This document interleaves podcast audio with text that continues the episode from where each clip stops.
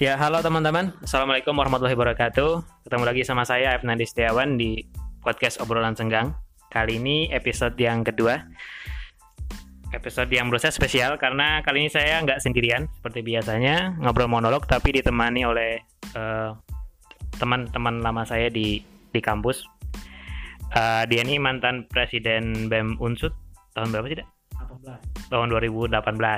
Nanti eh, kamu kenal lebih lanjut aja ya, gitu ke teman-teman. Jadi eh tema kita hari ini ngobrolin tentang eh, semangat volunteerisme, soal kepemimpinan, dan juga soal sedikit tentang lifetime apa eh, quarter life crisis, crisis gitu ya. Karena kebetulan ada beberapa teman di Instagram yang nanyain soal itu, gitu.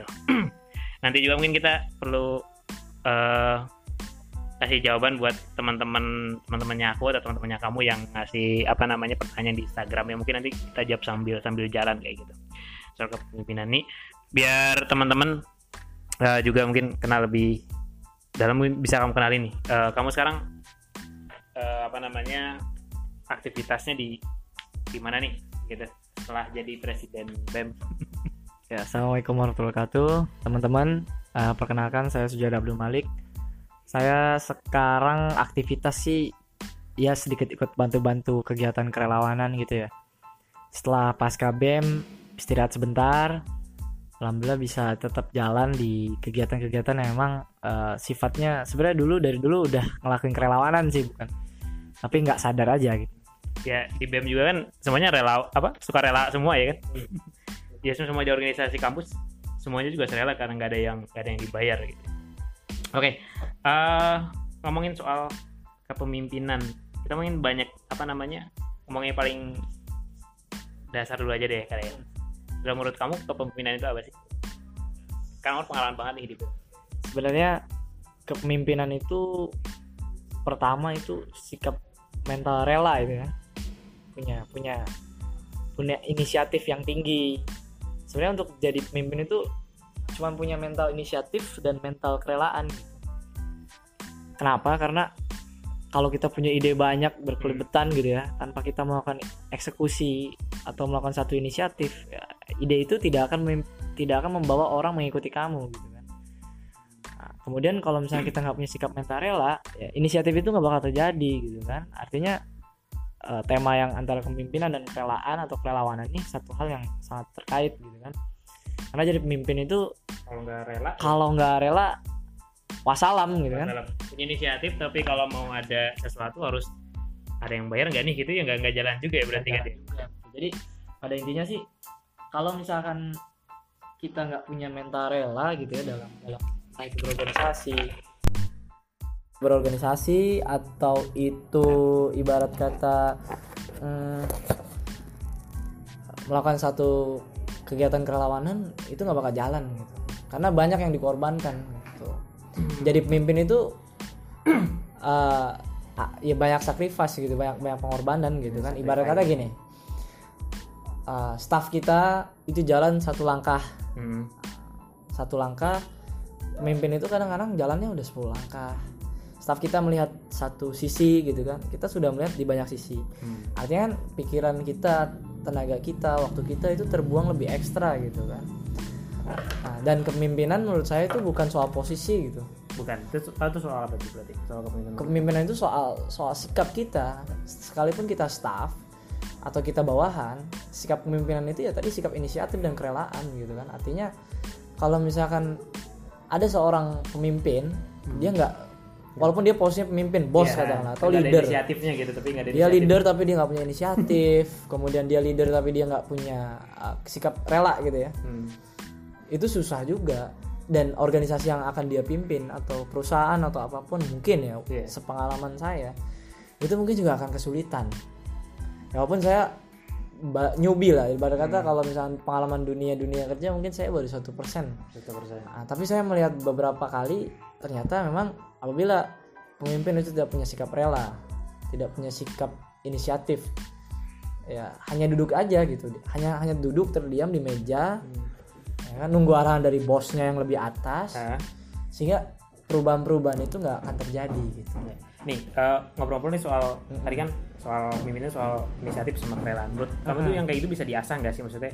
Kan rasa kita tuh bisa dilatih lah bahasanya itu agar kita tuh punya inisiatif atau inisiatif ya bisa diasah sebenarnya nggak nggak natural kan sebenarnya gitu. Wah, kan. bukan keturunan Bukan gitu kan. keturunannya, aku keturunan dari keluarga yang ya memang inisiator inisiator gitu Gua ya. lah. enggak jadi Keluarga dari penggerak pokoknya. enggak nggak mungkin jadi sebenarnya gini itu bukan soal turunan tapi soal satu hal yang yang kita pelajari yang kita Ah. asah gitu kan dan emang nggak ada di textbook Hmm. memang, memang hal itu harus kita asah di entah itu di organisasi atau itu di tempat pekerjaan gitu. Tapi seenggaknya gini teman-teman. Kalau misalnya teman-teman masih kuliah gitu ya di Iya. bangku kuliah organisasi itu memberikan gambaran bagaimana bekerja sama dengan orang lain. Memberikan gambaran terkait dengan bagaimana kita harus berinisiatif. Memberikan gambaran ketika kita melakukan kesalahan kita harus seperti apa. Iya. dan komunikasi itu penting dalam Dalam dalam sebuah kerja sebuah kelompok kerja gitu ya. kelompok gitu kan. Entah itu di organisasi atau dunia kerja. Jadi artinya kedua mental inisiatif dan kerelaan ini ini dua hal yang bisa dibangun gitu. Bagaimana gimana sih gitu ya sebenarnya ikut aja dulu organisasi. Nah kemudian punya ide itu langsung diusulkan kemudian setelah diusulkan itu dieksekusi. Hmm, berarti titik ini sebenarnya berorganisasi itu pentingnya itu di sini pentingnya ya. di situ. Jadi untuk melatih, kadang ada orang gini biasanya, Mm. ada orang yang punya ide nih, punya inisiatif, tapi karena dia nggak nggak biasa mungkin berkomunikasi sama orang banyak atau Iya. nggak biasa apa namanya menyampaikan inisiatifnya, jadinya dia cuma grundel-grundel doang kayak gitu kan. betul dan itu nggak baik gitu. Nggak baik. Tapi kan begini, eh pokoknya mahasiswa itu kan Mm. berorganisasi itu kan malas ya kan. Aku pernah nemu, eh bukan nemu ya, temu sama teman-teman lah gitu. Jadi mereka malas berorganisasi itu ya karena malas sama drama-dramanya. drama dramanya dramanya. sebenarnya gini drama yang ada di organisasi di kampus itu nggak sedrama ketika kita kerja sebenarnya lebih dramatik ketika lebih dramatik kerja itu lebih dramatik ini saya udah empat bulan ya empat bulan kerja ternyata lebih dramatik walaupun gini bedanya kan orang yang kerja sama yang organisasi kan dibayaran hmm. orang organisasi kan nggak dibayar orang yang kerja kan dibayar Hmm. tapi ternyata lebih dramatik di dunia kerja Hmm. karena nggak semua orang yang ada di dunia kerja itu orang organisatoris gitu. Hmm. Hmm. Sedangkan kalau misalnya kita di kampus, hampir mayoritas orang yang ada di organisasi, berarti dia punya sense of organisasi yang cukup lah ya. Kuat ya. Jadi Sehingga ketika kita ingin bekerja sama itu, kita sudah saling paham harus ngapain, kalau kita salah harus ngapain, kira-kira kalau koordinasi apa-apa itu harus bagaimana attitude dan sikapnya. Tapi kalau kerja itu ternyata ada misal sebagian teman kerja kita ada yang nggak organisatoris. hmm. Nah itu jadi problem ternyata di, di itu problemnya kenapa? Apakah ada yang nggak bisa ngontrol emo secara emosional banyak Ya. gitu ada sesuatu yang nggak beres sesuatu kemudian ngamuk-ngamuk gitu. ah nggak gitu juga tapi soal ini soal attitude sebenarnya Attitude. jadi gini kita kan dalam berinteraksi dengan tim gitu. Nah. Kita kan punya punya etika gitu. Ah. ketika misalkan kita uh, berkomunikasi izin misal ke siapa sih izinnya? Ke teman kah? Hmm. ke grup kah? Atau ke pimpinan kah? Hmm. nah, di hal kecil ini aja kadang masih saya temuin belum clear gitu. Belum clear ya. Nah, Nah, kalau misalnya kita berorganisasi kan clear ya. Ya. ya ke siapa ke harusnya siapa kalau kita, harus minta izin, izin? kan? maka ke pimpinan kita selaku yang punya wewenang. Apabila pimpinan kita mengizinkan tidak perlu lagi kita menjelaskan ke orang lain. Biar pimpinan kita yang akan menjelaskan bahwa saya tidak bisa masuk karena alasan tertentu. Tapi ini terkadang eh, terjadi miss lah terjadi miss. Karena mungkin terkait dengan etika bekerja sama tim itu belum bisa gitu dan hal paling simpel aja Hmm. pemahaman terkait dengan job desk nah masing-masing. kamu kerjanya apa kamu saya kerjanya apa?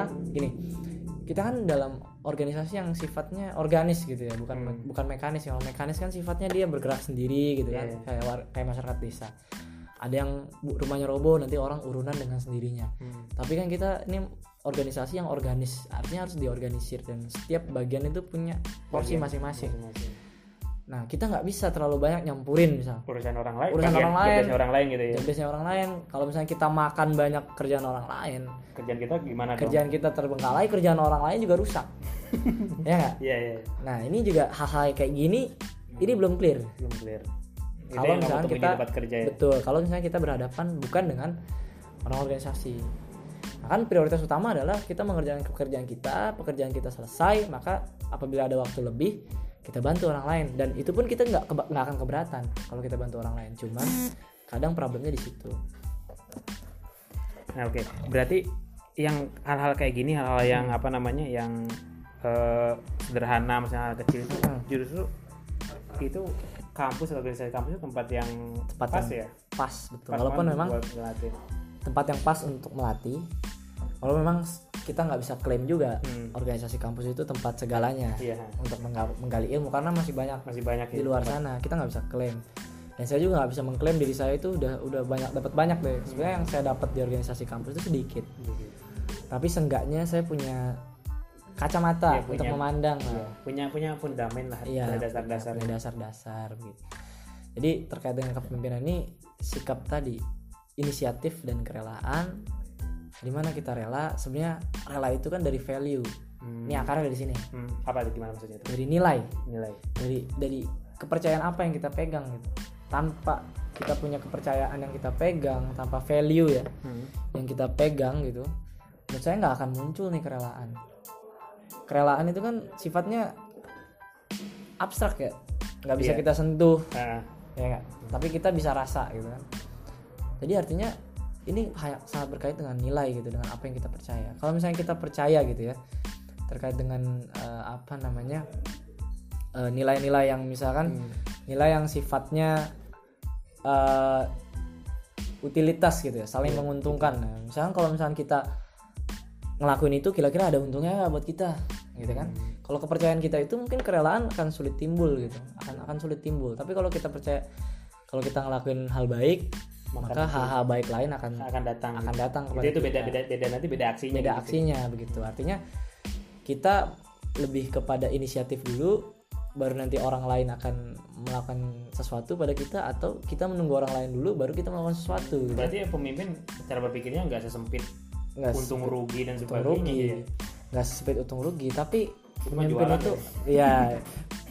Bahkan di organisasi yang yang sekarang saya mungkin baca sedikit-sedikit ya organisasi atau perusahaan-perusahaan itu yang modern maju itu udah lelah udah lah dengan, mengejar material. dengan cara untung rugi untung rugi untung rugi gitu. untung rugi itu udah lelah. Mereka sekarang mengejar apa? Value. Hmm, kita iya. lihat misal Gojek. Hmm, Gojek. Gojek itu kan sebenarnya bukan hanya dia mengejar untung tapi kan dia pikirnya bagaimana tukang ojek terberdaya hmm, bagaimana orang tertolong. Makanya kalau kita lihat iklan-iklannya itu kan humanis.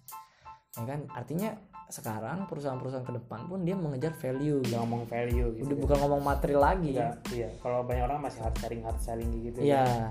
aku Udah ambil kerja ini untungnya apa gitu. Iya. Nah jadi artinya value itu penting untuk menumbuhkan sikap kerelaan. Artinya pandangan kita terkait dengan hal-hal baik itu itu harus menjadi pegangan begitu ya walaupun emang gini kadang lu nggak ngapain sih ngelakuin hal baik mulu gitu kan? Iya. Nggak atau dapat orang duit. lain. Satu nggak dapet duit dua orang lain tuh nggak nggak nggak bakal bantu lu kok gitu. Saya sering banget dapat obrolan itu dan ketika misal saya kemarin habis dari Jakarta Hmm. ketemu sama salah satu teman. Lu ngapain sih ngurusin orang lain mulu? Ngurusin, urusin dong hidup diri lu. sendiri kapan gitu? Urusin diri lu urusin hidup lu urusin keluarga lu.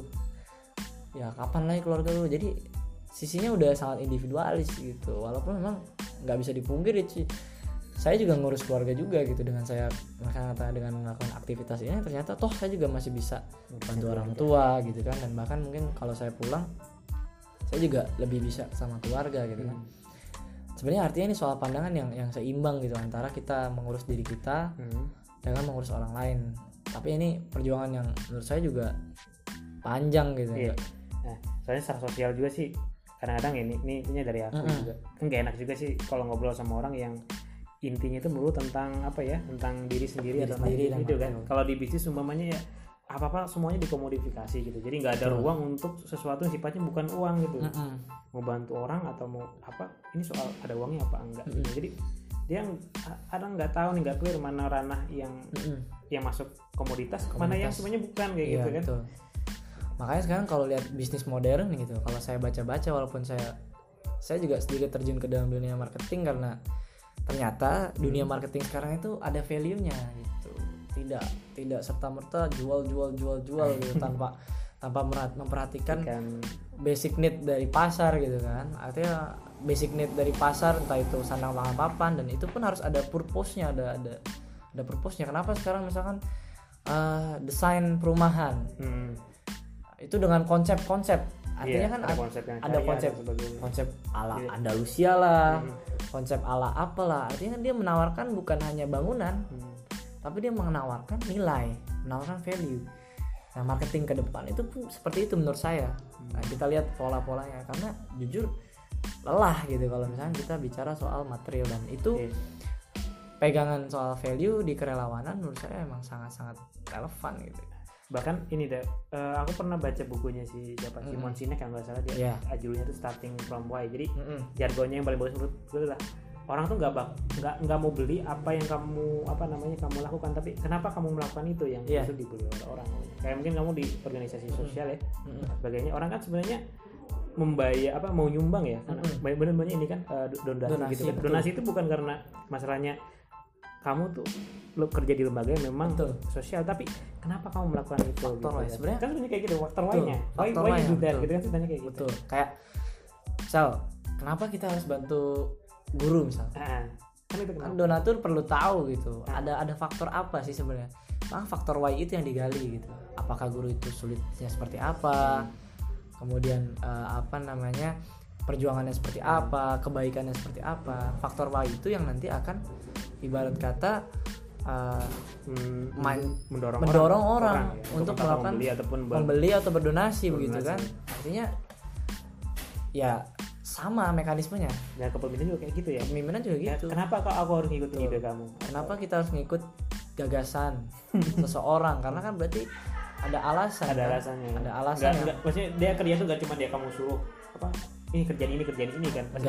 orang tuh kan bertanya lebih dalam sampai titik tertentu eh kenapa sih aku harus ngerjain ini? Betul betul betul. Dan tadi eh, menurut saya kepemimpinan itu butuh kerelaan ya. Karena Hmm. begini teman-teman kalau menurut saya walaupun saya newbie banget dalam dunia kepemimpinan mungkin baru di dunia ini saya baru hanya tapi untuk 1%. usia kamu kayaknya udah ini lah kan dari Ya. level mahasiswa tuh persen tinggi kan?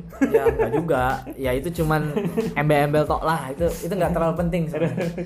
Itu nggak terlalu ngaruh tapi ngaruhnya di sisi soft skill memang betul. Jadi intinya adalah kepemimpinan itu soal kerelaan gitu ya. Gini dia rela untuk ngambil responsibel di saat Hmm. orang lain nggak ngambil. Nggak mau. Nah, orang lain kan itu. mana nggak mau kan? Jadi kepemimpinan itu juga soal rela ngambil rela ngambil responsibel gitu. Ibarat kata ada tanggung jawab ya, diambil gitu kan dikerjakan dengan maksimal diselesaikan dengan maksimal dikerjakan dengan mati-matian.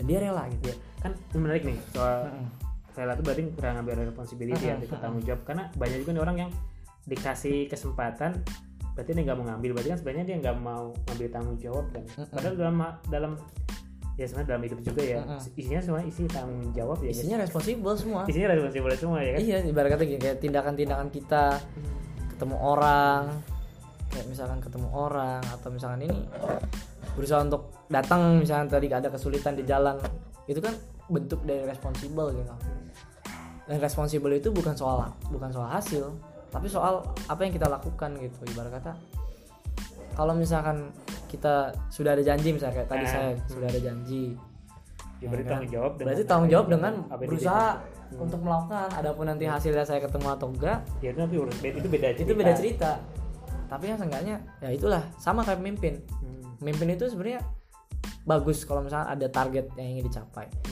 Tapi kepemimpinan itu soal bagaimana kita berusaha mengeluarkan semua kemampuan kita dengan rela gitu. Capek lebih ekstra kalau jadi Iya pemimpin. paling lebih lebih sakit juga sih. pikir mikir lebih lebih cap lebih mikir ya kan? Hmm. di saat staffnya atau bawahannya salah ya kita yang dapat siapa yang kena? Ya, pemimpin kan? pemimpin, pemimpin. pemimpin yang kena gitu kan? Di saat teamwork ini nggak berjalan dengan baik siapa yang kena Ya, pemimpinnya. nggak mungkin staffnya disalahin. mungkin. Nah, artinya hal yang kayak gitu tuh yang yang memang butuh kerelaan gitu ya. Makanya kata Agus Salim pemimpin tuh yang iya. Makanya kata Agus Salim tuh leiden is legend gitu kan. Makanya sebenarnya wajar ketika orang masuk level manajerial Hmm. dia dapat bayaran yang tinggi. Ya karena paling mumetnya dia. Karena momentnya dia. Direktur masih lebih mumet lagi. Direktur level manajerial entah itu middle sampai ke top ya. Hmm. Kenapa bayaran yang tinggi? Karena responsibel dia lebih besar. lebih banyak ya. betul. Makanya kalau staff itu ya bayarannya ya kenapa wajar ya karena soal responsibility-nya Responsibility. ditanggung sama yang di atasnya sih. Tuh, dan emang sebenarnya gini mungkin dalam dunia pekerjaan yang memang saya coba belajar Hmm. ternyata kuncinya ada di sini. Dua komunikasi dan tanggung jawab. Nah itu gimana Oke, tanggung jawab tadi udah tadi. Tanggung jawab udah. Komunikasi, komunikasi. komunikasi nih gimana komunikasi gini. Komunikasi fair gitu komunikasi fair dalam arti gini pak saya nggak bisa. Gitu kan. Pak saya nggak bisa. Oh ya udah ada yang penting kita bilang walaupun dalam hati kita ngerasa berat bilang satu berat dua malu. Aku bilang enggak gitu ya. Untuk bilang enggak dan bilang nggak bisa. Ini kadang berat dan malu. Malu kenapa gengsi coy? Hmm, gengsi. Iya. kenapa? Lu udah dikasih tugas lu dianggap mampu sama teman-teman lu tiba-tiba lu nggak bilang nggak bisa. Itu beratnya minta ampun kalau udah ngomong sama gengsi tapi kalau misalnya lu nggak bisa masa iya lu bilang iya gitu? Harusnya ketika lu nggak bisa lu bilang ya udah gitu. Saya pun beberapa kali juga pernah bilang pak mohon maaf saya dengan kondisi seperti ini nggak bisa. Ya, saya bilang karena kalau kita bilang iya iya semua jangan berantakan. Ya ya ya ya ya justru yang hancur kita. Hmm. Awan itu juga aku merasa juga susah banget ya untuk bilang sesuatu ke bilang enggak gitu kan. Mm-mm. Kadang-kadang kan terutama buat ide-ide yang Mm-mm. bagus atau responsif responsif yang bagus itu memang berat banget tuh Mm-mm. bilang enggak gitu kan. Akhirnya karena semuanya diambil, Mm-mm. energi dan sama waktu terbatas dan juga kemampuan, Mm-mm. akhirnya berantakan. Tuh, Dan yang kena kan reputasi dong. betul reputasi. kok dikasih tanggung jawab bilang iya tapi kerjanya nggak bener. Nah itu kamu ada ini nggak maksudnya gimana Branding diri kita turun ya. ya kan dianggap, marketing lagi nih. dianggap gak ini. Nah menurut kamu gimana tuh ada ini nggak maksudnya? Ininya untuk, ya. untuk orang-orang yang nasibnya sama gitu tawarin hal-hal bagus tapi nggak enak bilang Sebenarnya enggak. gini, saya itu misalnya contoh, ini udah ngelepas dua tanggung jawab lain. Hmm. Sebenarnya kan tanggung jawab selama ini kan tiga, empat lah sama skripsi. empat sama skripsi. Sebenarnya empat. Skripsi alhamdulillah udah selesai. Hmm. Nah, kalau skripsi kan kita nggak bisa nolak ya. Iya. kita nggak bisa bilang enggak ya karena ya, kalau mau lulus ya kerjain. harus kerjain gitu kan kita nggak bisa bilang enggak sama Eh. pembimbing kalau kita bilang enggak langsung ngulang dari awal kan nah kemudian gini ada misalnya saya selain saya aktivitas di kerjaan ini saya ngajar Hmm. ngajar les Cerdas. sebenarnya awalnya ngajar les itu karena saya ingin waktu berguna lah Hmm. kalau soal bayaran sih saya nggak terlalu pikir karena bilang ngajar les berapa sih gitu kan Hmm. Tapi memang saya pengen aktivitas yang agak berguna aja. Kemudian yang kedua nulis. Ah, nulis. jadi saya selain memang Nulis skripsi atau nulis blog? nulis blog nulis blog buat orang jadi shadow writer gitu kan. Nah, jadi shadow writer gitu kan. Jadi tiga tanggung jawab itu berjalan bers empat tanggung jawab itu berjalan bersamaan. Seiring waktu kak beban semakin bertambah. Ya kita mau nggak mau realistis dong. Hmm, mana yang harus ditinggal? mana yang harus ditinggal? Dan kalau kita kita ukur-ukur memang semua ketika kita tinggalkan tuh ada dampaknya. Tapi kalau nggak ditinggalkan dampaknya lebih besar lagi. Dan ketika kita untuk meninggalkan itu kita malu kan. Hmm. kita udah ninggalin padahal kita dibutuhin. Dan kita malu juga untuk bilangnya atau gengsi lah. Hmm. gengsi atau malu. Tapi nggak apa-apa. Kalau kita masuknya ibarat kata bilangnya komunikasi baik-baik ketika kita pulang atau mau mundur itu komunikasi baik-baik juga. Misal mundur dari nulis Nulis nulis. ketemu sama orangnya bilang kalau kita "Eh, saya nggak bisa karena kesibukan lalala." ada rasa kekecewaan dari orang tapi itu lebih baik daripada banyak kerjaan kita ke depan berantakan Hmm. nah yang kedua ngajar les karena waktu udah sangat sempit gitu ya akhirnya ngajar les ini ditinggalkan Tinggalkan. bilang sama yang waktu itu Ngasih kerjaan. ngasih kerjaan bilang begini begini begini walaupun memang ada raut kekecewaan tapi kita fair gitu daripada iya mas. Iya mas. Iya mas. Iya pak. Iya pak. Iya pak. Ternyata ketika ada jadwal les kita nggak datang. Hmm. ya kan? ketika ada jadwal les kita nggak ngajar. Itu nggak boleh. Dan alhamdulillah saya ketika belum pernah gitu sesi- eh, sesibuk apa pun gitu kerja di aktivitas sosial ini sibuk apa pun les tetap hadir. Walaupun memang dengan kondisi capek. Hmm. tapi kan merasa berdosa juga jadi nggak maksimal kan? Iya. akhirnya dilepas lah. Akhirnya alhamdulillah cuma satu sekarang. Cuman di yang di- yang sekarang itu ya. intinya adalah prinsipnya kita ngambil sedikit eh, kesulitan saat ini itu lebih baik Dibandingkan nanti Dibanding- kesulitannya malah tambah banyak. kesulitan ke depan. tambah banyak ke depan Iya, iya. logikanya gitu aja untuk menolak gitu kan Hmm, walaupun pas itu ya berat banget ya untuk karena, Walaupun- karena yang datang ke kita nggak semuanya yang jelek ya kalau diajak maunya ya mabok gitu kan mungkin Iya. gampang oh enggak Betul. tapi kalau diajak ayo bikin ini bikin ini bikin itu dan sebagainya terlalu banyak ide juga nggak bagus sedikit aksi ya kan ngomong Sedikit terus aksi, ya ngomong terus tuh nggak bagus kebanyakan aksi nggak tanpa ada ide, ide kering juga, kering ya aduh udah tengah jalan nih mau ke mana ini iya nggak bingung kan dia nggak punya Oke, oke. arah ini soal komunikasi kan ini soal cara apa namanya dalam orang tapi kalau dalam konteks tim nih ini kerja Tim ya. kerja apa namanya kerja, Kerja bareng tim ya. kan terutama di organisasi kan Mm-mm. entah itu orang tuh kerja di tempat yang sifatnya sosial ataupun Hmm. yang corporate juga kan tetap pasti kan kerjanya secara tim cara tim itu ngadepin nggak maksudnya nggak bisa dipungkiri itu hal-hal ngadepin yang komunikasi sama tim tuh? Cara. Beda- bedanya nih bedanya punya orang yang pernah ber- berorganisasi deh sama yang enggak itu ketika Oh, dalam iya. kerjaan itu kayak gimana kalau orang yang berorganisasi dari segi komunikasi Hmm. cara attitude dia bekerja kemudian ketika ada masalah itu kelihatan dia lebih baik dalam berkomunikasi misalnya ada masalah nih Hmm. Orang yang nggak berorganisasi ya walaupun gini ya maksudnya Hmm. saya nggak bisa mengeneralisir gitu tapi emang ada juga orang nggak berorganisasi terus dia kerja dia berproses di kerjaannya dia bagus tapi kan kerjaan itu juga teamwork itu kan organisasi juga Hmm. Artinya orga, dia di situ ada ada kumpulan orang yang saling bekerja sama kan nah, tapi setengah setengahnya kalau misalnya kita berorganisasi yang pertama dari segi penyelesaian masalah kita lebih kan lebih sedikit lebih memahami gitu Iya. Nggak kabur Ya. intinya itu Iya. Kalau ada Ma- masalah kalau ada, ada masalah. yang kabur tuh. kalau ada masalah itu kuncinya bukan kabur cuy dihadapi mau berat mau ren- Wih. mau enteng kita harus hadapi Ada hadapi. kenapa karena kalau kita kabur itu lebih mem- mem- membuat masalah itu semakin berat Karena kayak ngejar itu, malah kita yang kejar dikejar. nah ini ini terjadi di dunia kerja Hmm. ada orang yang ingin diselesaikan masalahnya yuk kita ngobrol tapi malah yang bersangkutan Anu, anu hindar-hindar. ngindar ngindar ngindar gitu kan akhirnya Jadi banyak, dikejar-kejar sama kamu. banyak persoalan yang nggak clear akhirnya kan Clear. yang nggak clear itu akan mengganggu teamwork ke depan kan Hmm. seharusnya kan kalau misalnya ada ini kita fair saya pernah waktu itu di kerjaan saya ini mungkin nggak usah dikasih tahu lah kerjaan Iya, saya intinya adalah aktivitas sosial gitu. ininya aja apa namanya? Nah, jadi eh, saya waktu itu pengen minjem mobil mobil Hmm. kantor Hmm. Pak saya mau minjem mobil kantor ke sini gitu kan. Nah, siapa yang nyetir? Dia.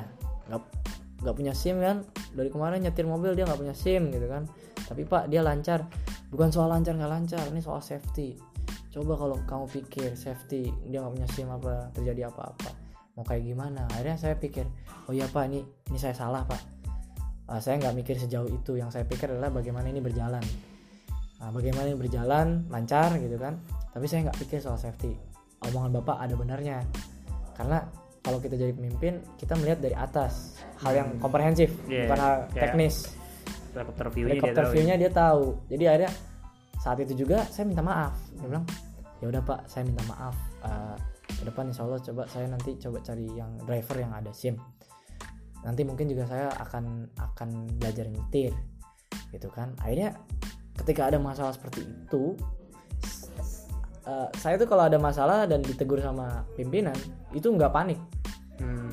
ya udah lebih kebiasa aja iya pak saya minta maaf ke depan saya coba nanti perbaiki Hmm. Jadi itu lebih bikin apa ya? Lebih bikin sesuatu itu lebih apa ya? Lebih, lebih terbuka. lebih gitu terbuka kan. betul Karena kan ada juga orang yang takut apa namanya ya? eh, ketika ditegur atau Tegur. kemudian di- ada juga yang ditegur marah-marah takut gitu kan nangis Kalau zaman zaman ini di kampus takut dieval. takut di eval sebenarnya ya minta maaf itu kan ya bukan hal yang berat gitu kalau di dalam kerjaan Hmm. cuma memang ya siap aja diomongin ya, tapi kan omongan itu juga saya rasa bukan hal yang negatif gitu ya udah Jadi udah ada lah ya. ya. Se- sebenarnya nggak bodo amat juga lebih ke yang positif kita ambil selama di situ nggak ada sentimen pribadi loh Hmm. tapi sebenarnya gini kalau kita fair sama orang lain orang lain tuh bakal fair sama kita. Kalau kita nggak berusaha ada sentimen kita sentimen sama dia terus akhirnya kita cari kesalahan dia sampai dia jatuh. Nah saya rasa orang lain juga nggak bakal ngelakuin itu ke kita. Jadi intinya adalah waktu saya minta maaf itu "Eh, pak saya minta maaf ya pak. Ya nggak apa-apa lain kali jangan begitu lagi. Ya pak saya paham.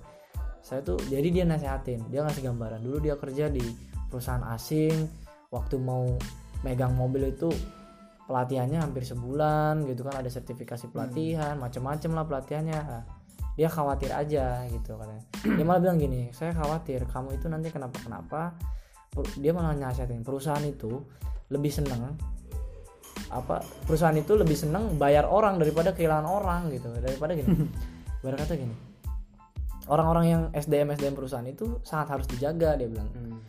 Kenapa? Karena daripada dia kehilangan orang nanti perusahaannya goncang dia bilang gitu. mending bayar orang untuk nyopirin gitu kan. Iya. Lebih safety gitu. Dan itu pun nggak seberapa. Oh ya gitu ya pak. Akhirnya saya sadar gitu kan. Ya gitu. Itu pertama kali ya saya dimarahin. Selama empat bulan. Oh, padahal baru mau doang ya. Ya baru doang belum baru belum, mau nyetirin ya. Belum udah udah buaya dipakai terus baru bilang ya. Iya. Baru mau dipakai dan baru mau bilang. nah tapi kadang ya nggak apa-apa is. Namanya teguran kan iya iya kadang-kadang ya memang dunia kerja mungkin karena itu udah menyangkut hajat hidup orang Orang banyak. ba- banyak dan sebagainya mungkin digesekannya memang lebih ini ya lebih Lebih tinggi. lebih tinggi gitu kan maksudnya kan kalau bahasanya ah, orang tuh cenderung aku udah kerja di sini ya pasti orang cenderung pengen bertahan di situ karena hidupnya dari situ kan makanya biasanya lebih lebih kalau di mahasiswa mungkin ya karena apa ya ya mahasiswa nggak ada yang hidup dari dari organisasi gitu kan. organisasi itu ini eh, ada yang juga nanya nih. Mm-mm. ini kan soal dari volunteer ya. Tadi udah jelasin volunteer itu ngapain ada nanya. Alasannya sih alasan. alasannya sebenarnya nanya kita berdua alasannya. Iya. tapi, tapi kan dari kamu dulu nih. Heeh. alasannya kenapa sih mau ikut? Masih dunia dunia, yang kayak gitu. Maksudnya suka dukanya kayak gimana? Suka duka. Pertama kenapa? Dan kedua suka duka. Iya suka dukanya nggak tiga nih kenapa? Suka dan duka. Nah, itu kan poinnya beda-beda. Kan? beda ya. Sukanya gimana kenapa? kenapa? Karena eh, mungkin karena basic saya dari dulu teman-teman di ilmu sosial gitu ya. Ya. saya anak IPS dan kemudian saya juga kuliah di FISIP gitu ya. Hmm. saya emang mandang ya kita nggak bisa hidup sendirian gitu. Kita nggak bisa hidup sendirian kita harus berteman kemudian eh, kita harus bantu orang gitu. Hmm. kenapa kita harus bantu orang ya? Karena emang manusia itu sampai sekarang bisa bertahan karena ada mekanisme saling bantu itu saling mengisi itu kalau nggak ada mekanisme itu saling bantu saling isi ya nggak akan terjadi gitu kerjasama sebenarnya bantu orang itu sebenarnya alasannya adalah ya karena kayak yang paling simpel aja saya nggak bisa nolak kalau misalnya ada orang yang nanya kalau bukan lu siapa lagi gitu.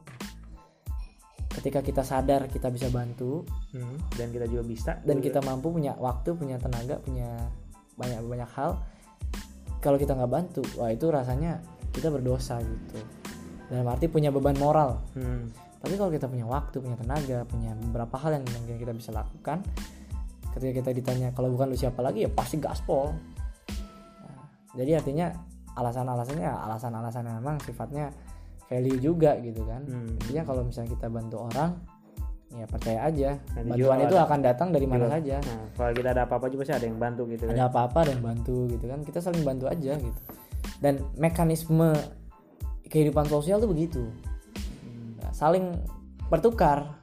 Iya. mekanisme kehidupan, Ada kehidupan sosial ya. kan artinya ada pertukaran sosial. Walaupun di desa di desa itu kan sifatnya non material ya. Hmm. ada misalkan sif- eh, apa namanya sunatan sunatan itu kan kita menghadiri ke tempat orang sunat. Dengan harapan Ya nanti. dengan harapan atau tidak ya? Nah. dengan harapan atau tidak mereka juga hadir. mereka juga hadir. Nah, nah, kalau misalnya kita nggak datang kira-kira hadir nggak? Nggak. Sebenarnya manusia itu secara alamiah memang begitu secara alamiah dia bertukar tapi emang secara sadar atau enggak sama kayak saya. Saya kan nggak mengharapkan pertukaran dari manusia tapi kan saya mengharap pertukaran entah itu dari manusia atau dari sumber lain gitu kan hmm. Ya mekanismenya kadang-kadang ya susah di susah dimengerti Susah dimengerti. ya. Susah dimengerti. dan emang ini soal-soal nilai-nilai itu tadi gitu kenapa saya terjun ke dunia relawanan kalau bukan saya siapa lagi Iya, karena banyak juga sih orang yang banyak eh, kalau bukan soal nilai ya, kenapa ada orang banyak mau jadi sukarelawan banyak ke tempat-tempat konflik atau perang gitu kan? Ya karena bukan karena nilai. Saya aku aku juga banyak orang yang kayak apa ya, yang ikut. Banyak ada bencana ya, teman dokter atau sebagainya, ya kalau dari cuman uang ya, ya Iya. ngapain ya kan tempat bencana kan? betul. Intinya udah, udah pegel ya kan jauh. jauh.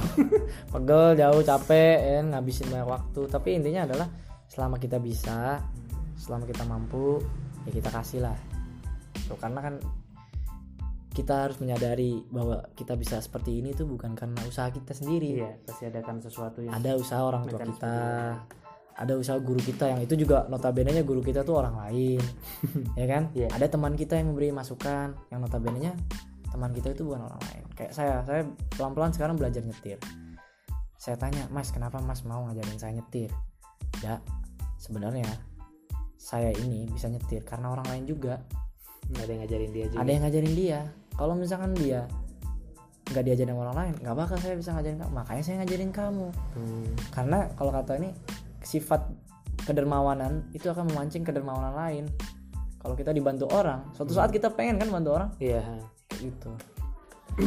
Itu kenapa? Sukanya. Nah ini kan sukanya nih gimana nih? Sukanya dari dukanya ya biar nanti ya biar sekalian aja gabung. closingnya suka. Closing.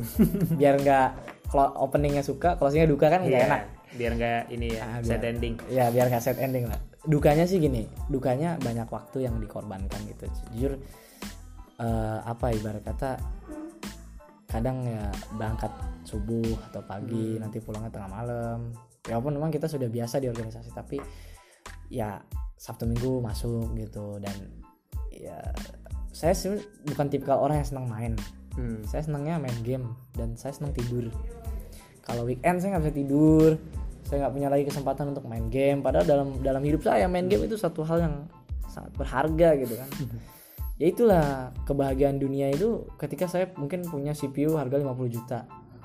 Bisa main game semua. main game. nah itu kebahagiaan. Iya. kebahagiaan bagi saya bukan buat jalan-jalan ke luar negeri tapi CPU yang mantap. Saya juga nggak nggak keluar negeri ya karena mahal aja sih.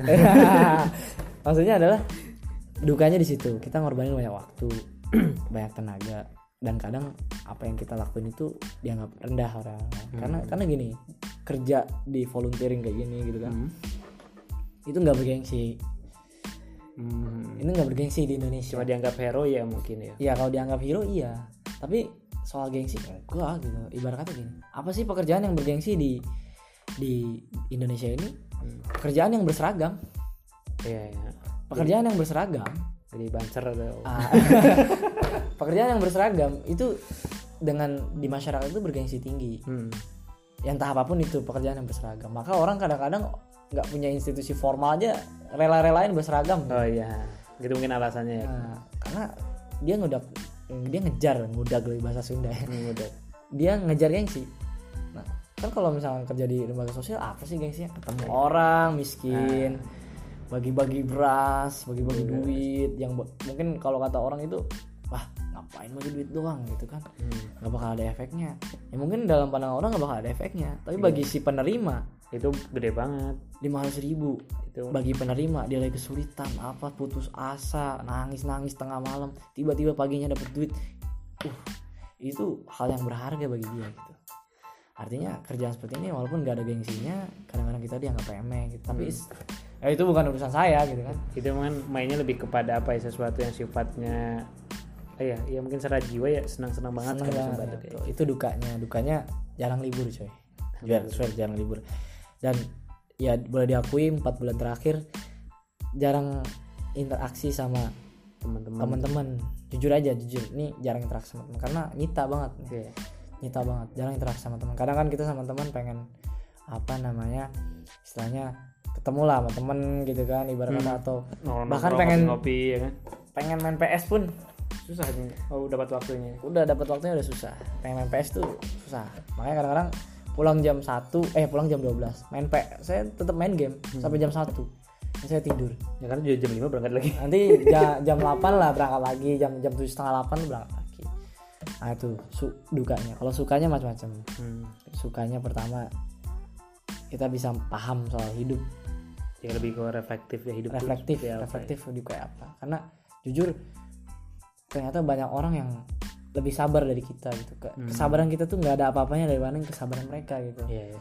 di lapangan tuh kita banyak nemu orang rumah ukuran tiga kali tiga pakai ya, pakai ya? bilik bambu udah kayak kos kamar kosan gitu wah ini lebih kecil dari ini lebih kecil dari ruangan nih tiga kali tiga bilik bambu bolong bayangin antara Masih sekat ada dia tidur ini kasur nih ini Hmm, kasur, kasur, ini dapur, bolong, bolong. ini kamar mandi. Aku tuh ngebayangin kalau orang mandi otomatis airnya kena kasur dong. Ya nggak? Airnya kena kasur dong ini bolong. Dan saya bilang uh gila kesabarannya gitu. Di desa aku aku di desa juga nggak ada yang nggak ada yang kayak gitu kan? Iya. ini dekat Purwokerto nih. Jawa ya? Ini deket perkotaan masih ada yang kayak gitu? loh aku di Kalimantan nggak nggak ada yang gitu kan? belum mungkin belum. Ada tapi belum nemu. Belum belum nemu. Belum nemu. Nah ini masih ada. Di era yang katanya Indonesia udah makin berkembang maju. Saya tahu oh ternyata kesabaran begini. Kita menemuin banyak macam orang. Ternyata ada yang kayak gitu ya. sukanya kita ketemu banyak karakter orang gitu ibarat katanya semua orang itu pengen dibantu. Tapi nggak bisa tapi nggak bisa semua orang itu kita bantu gitu ibarat kata gini ada orang yang kadang-kadang kalau ada bantuan itu pura-pura susah. Ada yang itu nyebelin nih banyak. Bukan ada lagi banyak. Tiba-tiba ada bantuan mas bantu saya mas bantu saya. Kan kita bingung. Ya mas kalau yang kuota bantuan terbatas akhirnya kita harus nentuin prioritas. Yang nggak enaknya adalah ketika kita tolak dia bukan prioritas ketika kita tolak dia ngerasa kita jahat. Hmm, padahal secara kewajiban kita kan bukan pemerintah. Iya. Kalau pemerintah nolak ya Ya dia kan digaji dipilih oleh rakyat. Kalau saya kan ibarat kata bukan dari pemerintahan ketika saya nolak iya. Saya udah datang dan udah ini juga syukur gitu kan ya, kadang ada gitu. Dan senangnya lagi ada didoain sih sebenarnya. Dapat banyak doa dan dapat banyak rezeki yang yang nggak nggak terduga lah gitu. Itu sih suka sukanya suka sukanya ya aku juga ngerasain waktu udah setahun apa yang bantuin tukang beca tuh yang di, Mm-mm. di depan visip tukang itu. beca depan visip ya? itu bayangin ya aku pernah datang ke, ke rumahnya dan sebagainya. Ya tapi nggak sampai se kayak tadi juga sih rumahnya memang kayak yang bagus sih enggak cuman ya gini deh tukang beca sekali mereka dapat sehari berapa sih? 30 ya 30 atau bahkan 20 kadang kadang nggak ada sama sekali ya kan? sekali ya. ya jadi ya kita yang anak kosan masih dikirimin ya 500 ribu satu juta atau 1 juta 500 mungkin yang tajir dikit ya di atas itu. Hmm. ya kalau nggak bersyukur emang nggak pernah ketemu yang nggak pernah gitu temu sebenarnya gini dan bersyukur tadi penting konsep soal uang itu kita harus clear dulu gitu. Nah jadi gini uang itu memang tugasnya mampir doang.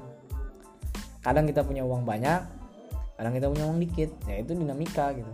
Kalau teman-teman pengen lebih teman-teman cari lebih kerja. Tapi kalau teman-teman diem aja duduk cobain teman-teman diem duduk nggak ngapa-ngapain sebelum teman-teman pasti tetap makan. Entah dengan teman-teman ngerasa seminggu nggak makan itu kelaparan dan kemudian entah itu makanya keluar. makanya dikasih oleh teman. Atau dikasih oleh teman. Atau dikasih senior ya. Dan senior. Soal rezeki itu soal makan itu pasti. Dan kita seminggu nggak makan tapi yang penting rezeki itu ada untuk mertahanin kita hidup. Ya, untuk bertahan hidup banyak orang juga itu pasti ada. bisa sih otomatis. Kan itu Ah. self defense orang tuh Tuh. ini banget ya. Tapi kalau orang pengen cari lebih ya kerja. Tapi kan sekarang yang menurut saya gini konsep kerja gitu ya kering gitu. Hanya mencari satu hal yang sifatnya material gitu. Hmm. ketika kita banjir datang coba kayak kemarin Jakarta. Banjir. Lihat mobil kayak apa tumpuk-tumpukan hancur ke bawah hanyut itu orang ngumpulinnya tiga tahun lima tahun baru dapat mobil. Eh, kesapu sama sapu sama banjir. bencana satu hari. Dan itu nggak ada artinya lagi. panas tahun ke sapu hujan sehari. itu itu nggak ada artinya lagi gitu. Sebenarnya kalau kata pelajaran-pelajaran yang saya dapat di selama ini soal uang itu nggak usah khawatir gitu. Kalau kamu pengen lebih kamu cari pasti dapat entah dengan kamu berdagang entah dengan kamu bekerja dua-duanya pasti dapat tapi kalau kamu pengen cukup ya udah Tuh. tapi intinya kan memandang uang ini sebagai bukan sebagai tujuan gitu kan iya iya. sebagai sebagai jalan gitu Iya. dan orang-orang orang-orang yang punya uang banyak tuh memandang uang tuh bukan sebagai tujuan ternyata mereka levelnya udah sampai alat aja gitu ya Iya. alat ya. mereka level coba coba kita lihat CEO Facebook dia memandang uang sebagai apa Hmm. kita lihat misalkan eh, Bill Gates gitu Hmm. Arahnya kan sekarang dia lebih ke sosial kan Iya, katanya Karena lebih ke sosial, yang kan? dimasukin ke foundation. artinya kan dia bukan soal ini bukan soal lagi soal Coba tujuan mungkin ya. tujuan uang itu bukan tujuan Mungkin kalau yang memang belum punya, ya mungkin tujuan. mungkin. tujuan kalau belum punya Ya, kan mungkin pernah itu level-levelan mungkin level ya. ya pengalaman mungkin karena Pengalaman. belum punya kan rasanya susah gitu Hmm. Kalau ini sih menurutku ada yang menarik tuh soal apa ya? Aku lupa kalau mau ngomong apa. Oke, bentar. Oke, udah berapa sih kita ngomong? Oke, oke, menit. Jadi, eh kadang kan di masa kita tuh mengadang bahwa mungkin nggak pernah belajar secara clear tentang uang itu kayak gimana kan ya akhirnya karena nggak pernah dipelajari ketika dia sudah selesai masuk fase fase sekolah masuk kerja. Akhirnya dia malah ditaklukkan atau diperbudak uang karena nggak paham mekanismenya ya Mm-mm. Ya nggak sih karena Mm-mm. finansial literasi di masyarakat kita itu rendah ya rendah gitu kan nih kayak ini kita udah 40 menit ngobrol nih bagian terakhir nih tadi ada yang nanya soal quarter life quarter life Crisis nih. crisis aduh kamu pernah ini enggak biasanya kan banyak nih teman-teman ya mungkin aku juga Iya, pernah betul. mengalami kayak gitu betul. walaupun mungkin oh, nggak ngerasa eh, ini quarter crisis apa bukan sih iya gitu. betul nah menurutmu kayak, kayak gimana tuh? Sebenarnya quarter life crisis tuh akhir-akhir ini lagi banyak dibahas ya iya di banyak banget media ya. sosial. Jujur saya nggak terlalu paham gitu. Apa sih sebenarnya quarter life crisis yang intinya sebenarnya ketika saya lihat tuh oh teman-teman galau. Hmm, galau sama pilihan hmm, galau sama capaian orang lain. Bisa jadi kayak gitu ya. bisa jadi. Ini mungkin salah satunya. Walaupun emang kalau kalau disebutin mungkin saya nggak tahu apa aja tapi sepertinya ini galau dengan kita milih ini bener nggak sih? Ah ya ini mau, mau ke mana nih Mau kita ke mana hidup nih kita ya? hidup kita gitu kan? Nah kedua kedua adalah kita galau sama sama orang lain capaian-capaian. Yang pertama begini teman-teman. Kalau menurut saya saya nggak tahu saya mengalami ini atau enggak tapi yang saya yang saya yang coba saya lakukan adalah pertama ini jalan yang saya pilih benar atau enggak Hmm, pertama setiap pilihan yang kita ambil itu pasti punya konsekuensi. Baik itu pilihan A, B, C, sampai sampai Z itu semua punya konsekuensi. Dan setiap pilihan yang kita ambil kita harus bertanggung jawab sama pilihan itu. Artinya kita siap untuk konsekuen untuk bekerja keras, berjuang keras, mati-matian itu di situ. Hmm. sehingga kita nggak punya lagi tuh rasa galau ragu-ragu. Kalau misalnya kita udah milih terus kita ragu berarti pilihan di depan kita nggak mantap dong. Nggak mantap. Akhirnya itu mungkin yang kenapa nanti kemudian dan Betul. pilihan orang orang lain tuh Kayaknya ini, lebih- ini, lebih- ini gitu. Nah, padahal nggak pilihan hidupnya dong. jadi beda ya. Kayak saya kayak saya misalnya. Saya milih untuk dimajuin sama teman-teman jadi presiden BEM enak gak sih? Enggak. Bilang enak enggak? Kuliah harus bayar ya. Kalau boleh jujur kuliah harus bayar lagi. Proses mentalnya juga oh orang udah lulus nih. Hmm. gue belum. Oh, orang udah kerja gue masih di Iya. kampus. Proses mentalnya tuh nggak nggak gampang. Keluarga tuntutan suruh lulus tuntutan kalau keluarga saya mungkin eh, salah satu anggota keluarga saya lagi sakit gitu kan kan tuntutan yang tapi saya yakin ini jalan yang udah saya pilih saya Iya, mantap di sini ya kadang menerima apa yang sudah kita pilih atau memahami benar Iya. yang kita pilih itu itu yang bikin kadang-kadang ragu nih orang ya sama lah kayak aku mungkin kamu Betul. masih mending 2014 pernah Ah, lulusnya sekarang betul, kan betul. 2013 nih Betul, pada betul. tahap terakhir ini kalau nggak bisa nerima, Nerima. bahwa ini padahal kan dulu kan sadar ini ah, Betul. aku aku milih apa namanya lebih ke Betul. sini. Kalau apa namanya eh, yang kau milih ke situ makanya aku paham betul konsekuensinya gitu iya. kan. Betul. Tapi kadang-kadang kan nah ini di tengah perjalanan pun juga kadang kita betul. yakin gak sih dan pilihan Betul, kita kayak gitu? Dan- mungkin itu yang bikin orang tuh betul. kayak ngerasa apa ya? Betul. Jadi menurut saya gini yang kedua ya Hmm. ekspektasi. Orang mungkin kalau dalam pandangan saya mungkin kalau ini benar nggak sih jalan yang gue pilih? gitu kan. Ah. ini karena mungkin ekspektasi. Nah, mungkin dia set ekspektasi yang sangat tinggi Hmm, tapi dia lupa siapa dia. Bukan siapa dia soal bagaimana dia mendrive dirinya untuk sampai ke sana. Hmm. kalau saya lebih ngomong ekspektasi itu berjalan seiring dengan kemampuan. Jadi set goal itu bertahap juga. Bertahap juga ya. Set goal itu bertahap. Jadi measurement gitu. Jadi kita bisa mengatur terukur gitu kan. Hal-hal yang dapat diukur. Misalkan di umur segini gak mungkin dong kita langsung jadi kerja enak jadi Nggak bos enak gitu. emang kalau bapaknya direktur apa Nah. mungkin ya. Tapi Jadi kalau artinya artinya kan ekspektasi. Kita mungkin ekspektasi kita di kemampuan kita yang ini saat ini mungkin Hmm. segini. Nanti lima tahun tujuh tahun ke depan kita naikin lagi naikin lagi. Kalau ekspektasi kita terlalu tinggi terus kita lihat orang gitu kan wah Nah. walah walah ya nggak akan ada habisnya. Pembanding itu kadang-kadang nggak pas Nggak bandinginnya. Walaupun pembandingan itu boleh-boleh aja sih menurut aku ya tapi bandinginnya tuh nggak pas gitu. Karena kan menurut aku ya banyak faktor sih kenapa bikin sesuatu itu bisa berhasil apa termasuk kita kan ya saling urusan kemampuan individu. Tapi di mana kita berada di jaringan di lingkaran seperti apa kita berada itu mempengaruhi gitu. Pengaruhi betul. Dan yang kedua yang terakhir kadang kenapa kita lihat orang itu kayaknya lebih enak dari kita. Hmm. nah ini juga mungkin pengaruh media sosial gitu ya. Iya. kalau saya boleh jujur saya nggak terlalu saya kalau bikin media sosial itu cuma bikin status tutup karena saya pengen mempengaruhi orang dong Hmm. bukan saya yang dipengaruhi orang kalau saya dipengaruhi orang otomatis saya scroll scroll scroll, scroll. habis Iya, waktu iya. saya kan saya lihat orang gini tapi kalau saya pengen mengaruh orang saya bikin status udah tinggal nah, itu saya jujur kalau media sosial kadang-kadang memang pengaruhin kita Wow banget ya. padahal gini yang apa yang ada di media sosial itu kan filter semua Iya filter semua. Kan nggak semua dari hal yang Nggak semua yang enak dari kita nggak bakal kita media sosial. katakanlah gini dia kerja di mana katakanlah BUMN Hmm. yang udah terkenal dia cuman posting paling lagi makan-makan sama teman-temannya habis pulang kerja lagi di suasana kantor kayak Iya. apa dia nggak bakal posting ketika dia marahin sama bos Iya pasti nggak bakal. dia nggak bakal posting ketika dia dikejar sama target Hmm. dia nggak bakal posting ketika dia pusing aku yakin itu Iya. kenapa karena ya kadang memang begitu manusia itu kan kadang ngelihatnya hal yang enak-enaknya aja Betul. Hal enaknya. Karena memang kecenderungan banyak orang itu berpikir bahwa hidup itu akan mudah ke depannya atau kayak ada semacam ya kolam surga lah ya. Betul. Ini susah nih. Tapi Iya. one day kita akan masuk ke kolam yang memang nyaman semuanya di situ. Betul. Padahal faktanya nggak kayak faktanya gitu. nggak gitu kita ngelihat katakanlah ya rumput tetangga lah Iya, lebih seru hijau hijau, ya kan. Ketika kita ke rumput tetangga eh rumputnya sintetis yang kita lihat dari luar Iya.